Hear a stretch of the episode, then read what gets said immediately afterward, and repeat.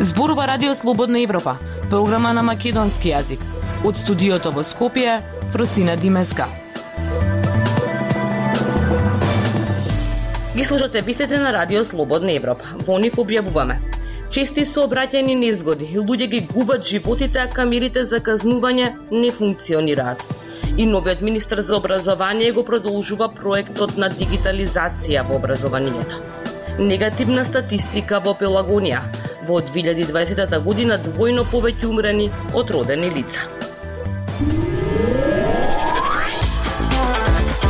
Независни вести и анализи за иднината на Македонија. На Радио Слободна Европа и слободнаевропа.мк. Продолжуваме со најавените теми. За една недела тројца загинати на скопските улици. Од нив двајца додека минувале на пешачки премен. Системот на камери преку кој несовесните возачи ќе добиваа казни на домашна адреса беше најавен пред повеќе од една деценија, но е заглавен во коруптивните лавиринти на институциите. Анализа на Јасмина Јакимова. Пешак го загуби животот на пешачки премен во центарот на Скопје. 25 годишна девојка беше преказана на пешачки кесите мол. Почина 48 годишник во тешка сообраќајна несреќа во Ново Лисиче. За само една недела, ова се три настани кои се случија во Скопје и јавџашија јавноста. Никој не презема одговорност за секојдневните случаи на дивење на улиците, но и за тоа што се случува со автономниот систем на камери најавуван како дежурен чувар во сообраќајот, но и мерка за психолошки притисок за граѓаните да ги почитуваат сообраќајните правила и прописи. Кога 43 годишниот Бојан од Скопје пред неколку години се судрил со возило на раскрсница во строгиот центар на градот, бил 100% сигурен дека минал на зелено светло. На семафорите имало камери, ама никогаш не успеал да добие снимка за да докаже дека не бил виновен. Доколку камерите работеа, во сообраќајот немаше да има толку сообраќајки и се надевам дека еден ден набрзо ќе профункционираат за да имаме поголема безбедност и да не ни се случуваат секојдневни несакани ситуации и не дај Боже луѓе да починат. Системот на камери и казни на домашна адреса беше најавен пред повеќе од една деценија. Во меѓувреме беа распишани тендери и поставени камери, но никогаш не профункционираа на начинот на кој беше ветено. Автоматски да ги следат и казнуваат сите што прават грешки во собраќајот. Ана Попризова, психолог и психотерапевт, Смета дека ако овој систем профункционира, ќе се направи силен психолошки притисок врз граѓаните да ги почитуваат собраќајните правила и прописи.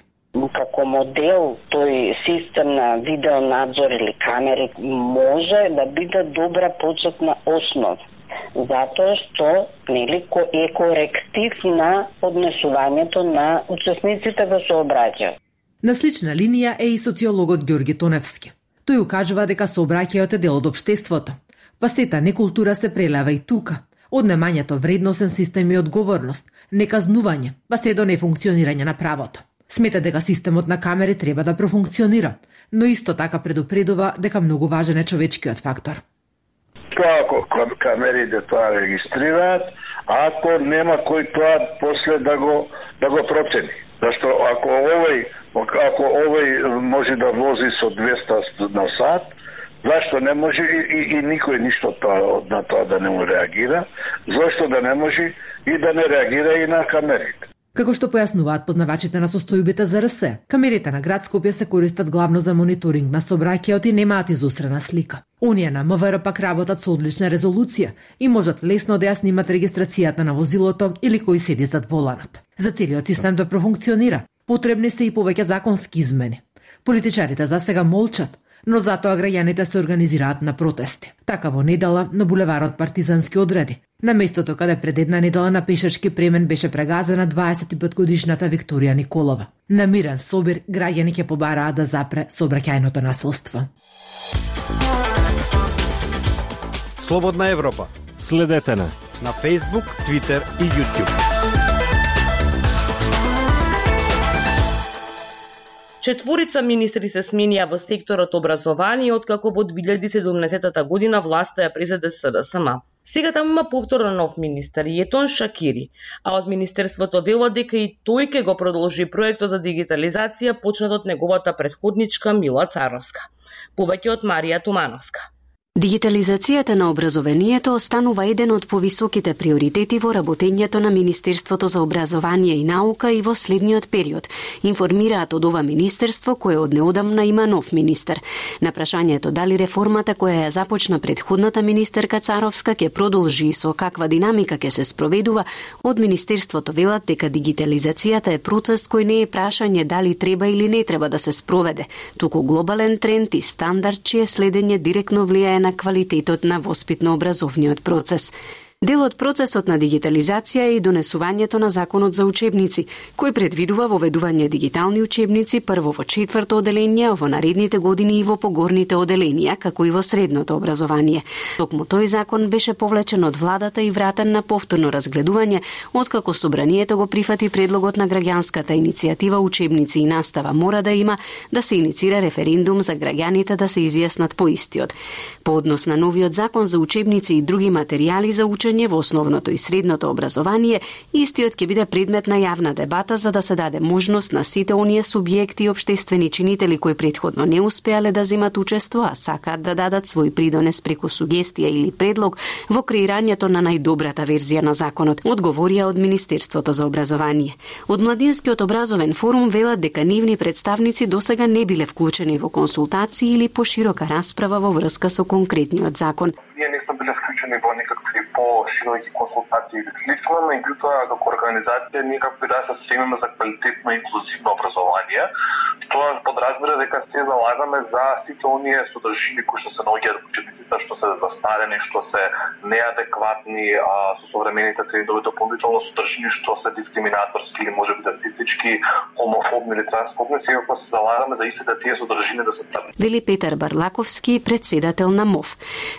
Дигиталните учебници кои беа воведени кај учениците од четврто па предизвикаа низа реакции во јавноста. Најпрво немаше доволен број на таблети по училиштата, дел од наставниците работеа со печатени учебници, а учениците и родителите беа збунети. И покрај бројните дилеми и отворени прашања кои се појавија при спроведување на овој процес, сега од ресорното министерство велат дека работат на креирање на дигитални учебници за учениците кои од септември ќе бидат петто оделение. Во изминатите неколку години во овој ресор се сменија неколку министри. Просечниот мандат е околу две години, а некој од нив на министерското столче останаа само една година. Тоа, вели Барлаковски, се одразува на квалитетот на образованието. Доколку имаме сега однова нови реформи кои што повторно нема да бидат поврзани со предходните, ние постојано ќе тапкаме во место и постојано ќе носиме некои нови реформи кои што ќе имаат време на трајање од години и по до две додека трае мандатот и после, после тоа повторно се поново ќе почне што на крајот на денот или придонесува кон тоа образованието да не каде што не е сега. Заклучува Барлаковски. Радио Слободна Европа, светот на Македонија. Во Пелагонискиот регион во 2020 година имало двојно повеќе умрени од родени лица. Ова се дел од крајно загрижувачките парадоци што ги објави Заводот за статистика, поврзани со демографските состојби во публикацијата регионите во Република Северна Македонија. Јавува Жанита Здравковска. Пелагонискиот регион, кој офаќа девет општини, меѓу кои Битола и Прилеп, кои се бројуваат меѓу најголемите во земјава, е прв по број на умрени според податоците до 30 јуни 2020 година, а по новородени бебиња втор одназад од осумте регионални целини. Тоа покажува дека во овој регион, кој иако е главен снабдувач со храна и електрична енергија во земјава, бидејќи тука е најголемото производство на жито, млеко и струја, а е универзитетски центар, сепак никако да запре процесот на иселување на населението, а со тоа и последователно на старење. Според објавените податоци, бројот на умрени на илјада жители е највисок во Пелагонискиот регион, изнесува 16,6, а пред него се сите останати 7 региони, Вардарски, Источен, Југозападен, Југоисточен, Скопски, Полошки, Североисточен. Двојно помал е бројот на бебиња донесени на свет од умрени лица. На илјада жители изнесува 7,9. Помалку бебиња има само во источниот регион, кој има за 50 22.000 жители помалку од Пелагонискиот. Битолчани со години алармираат на депопулацијата на населението. Екзодусот интелектуален кој што ни се случува е страшен, за кој што вистински одговор барем за сега не гледам во нашето општество. Тоа продолжува, продолжува Не знам до каде, до каде сето тоа ќе оди. Овој горлив проблем се соочуваме сите ние во државата. Тука е проблем и на сите балкански земји. Со укинување на визите за европските земји се отвори европскиот пазар на кој секој со своето образование и квалитет може да конкурира првен почнуваат да барат работа, гледат дека нема, нема никаков просперитет, според струката, заминуваат за странство. Најчесто овде кај нас можеш да најдеш вработување со минимална плата. Тоа се иселува само од невработеност. Нема работа, нема никаква екзистенција, не може да склопнат враг. Млади, школа завршиле граото се да ти факултети се и да шеташ овде. Секој ден се соочуваме со такви патници кои заминуваат во еден правец карти. Многу е жално, многу е тешко. Пелагонискиот регион е меѓу првите во земјава со висок индекс на старење, а исто така меѓу оние со најнизок природен прираст. Заедно со источниот регион го заземаат првото место во Македонија по население на возраст над 65 години. Култура и уметност. На Радио Слободна Европа со мисла дека представата ќе принесе вербата и надежта за подобро утре, која ова дело ја носи во сите своји пори, македонскиот режисер Андреј Цветановски неодамна во Новосадското позориште ја постави идиото Достоевски. Критиката за неговото читање и играта на глумците ке рече дека креирале голема представа. Со него разговараше Лјупчо Јолевски. Цветановски, на 12 јануари во Новосадско позориште ја поставивте Идиот, театарската представа работена по романот на рускиот класик Фјодор Михајлович Достоевски. Од каде потребата да се зафатите со овој текст? За каков личен предизвик се работи? Фјодор Михајлович Достоевски е најголемиот познавач на човечкиот дух и неговата душа, и неговото дело е огромна ризница за творештво во сите уметнички области, и тоа е неоспорно. Но во преговорите со управникот на Новосадско позориште Валентин Венцел, кога се одлучивме за идиотот Достоевски, некако знаев дека тоа е и моја судбина. Ликот Мишкин му е омилен лик на мојот брат, романот Идиот е омилен роман на мојата мајка и веќе неколку години ме убедува да го работам, а ја секогаш и велев дека сум многу млад за тоа. И на вистина мислев дека долго време нема да се впуштам во светот на Достоевски, на сцена. Но кога дојдовме до тоа решение со Новосадско позориште и самиот процес го сватив како судбински. Бидејќи за големи успеси се потребни големи ризици, до крај се нурна во светот на идиот, знаејќи дека тоа е за мене најголемиот предизвик досега во моето работење. Од друга страна, со поставувањето на идиот на сцената на Новосадско позориште, посебно во годината кога градот стана Европска престолнина на културата, што си поставивте како максима пред себе и пред ансамблот на овој театар? Каква порака сакавте да ја пренесете на публиката? Нови Сад има посебно место во моето срце. Тоа е местото каде што е родена мајка ми, каде што татко ми ги учел тајните на занајата од режија. Таму брат ми студираше актерска игра, но после оваа соработка можам да кажам дека јас го најдов својот театарски дом во овој град. И тоа токму во Новосадско позориште. Ми беше задоволство и чест да работам во тој театар, бидејќи мислам дека овој театар има еден од најинтересните ансамбли за соработка на Балканот. Посветеноста на актерите, нивниот до крај ентузијастички ангажман за представата ме воодушеви, како и нивниот бескраен талент, надограден со навистина специјален однос кон тоа што значи театарот.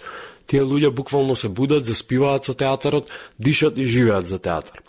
Во соработката си зададовме задача да направиме приказна која ќе биде достојна за големината на авторот и делото, која ќе ги постави вистинските прашања, представа која откако ќе ја изгледа публиката, во неа ќе се разбуди барем мал дел од она што го носи Мишкин, а тоа е бескрајна љубов кон човештвото. Ако тоа се случи, знаеме дека сме направиле успешна представа. И што почитањето и исправањето на сцена на идиот? Кои проекти и какви текстови и представи му се вртат во главата на Андреј Цветановски? Кои се неговите планови во некое догледно време? Натаму ја очекувам фамозната национална програма на Министерството за култура, како и уште некои соработки со театрите во регионот кои треба да се случат во наредните две години. Се надевам на уште многу плодни представи како што идиот, како и соработки со ансамбли низ кои ќе дојдам до барем еден нов соборец и истомисленик мисленик во Дон Кихотовската борба со ветерниците. Ветената земја наречена театар е моето бегство од реалноста која ја живееме и мојот простор за остварување на слобода која секој човек ја заслужува.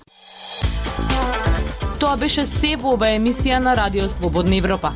Од студиото во Скопје со вас беа Дејан Валовски и Фростина Димеска. До слушање.